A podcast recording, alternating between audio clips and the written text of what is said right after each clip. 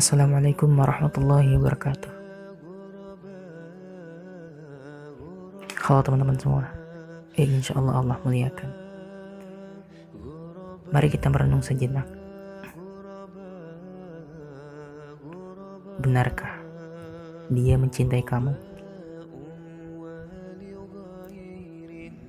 Saat Allah kasih kekayaan, kesehatan, jabatan, kekuatan, keturunan. Apakah ini pertanda bahwa dia mencintai kita? Belum tentu. Mari kita buka Al-Quran dan lihat tanda-tanda hamba yang dicintai Allah.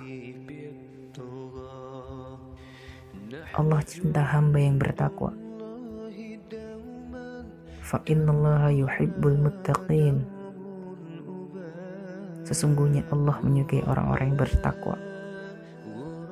Surah Ali Imran ayat 76. Allah cinta hamba yang sabar. Wallahu yuhibbus sabirin. Surah Ali Imran ayat 146. Allah cinta hamba yang baik.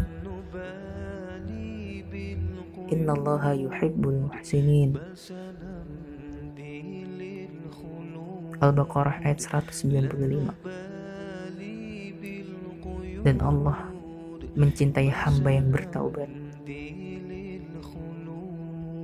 Innallaha yuhibbut tawwabin wa yuhibbul mutatahhirin Surah Al-Baqarah ayat 222 Dosa saya banyak mas Apa taubatnya diterima?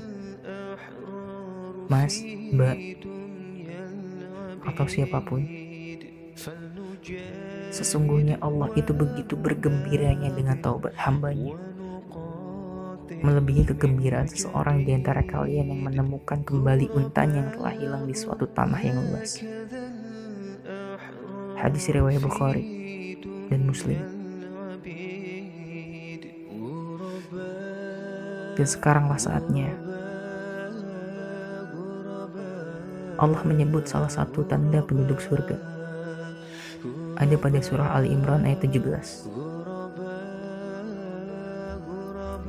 Dan yang memohon ampun di waktu sahur.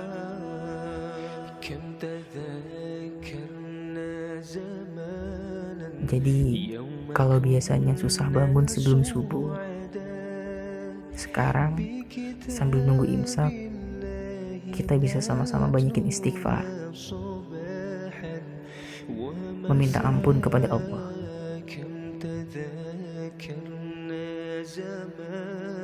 Semoga bertepatannya kita ada pada di bulan Ramadan ini kita bisa menjadi hamba yang dicintai oleh Allah Subhanahu wa taala. Amin amin ya rabbal alamin. Semoga bermanfaat. Wassalamualaikum warahmatullahi wabarakatuh.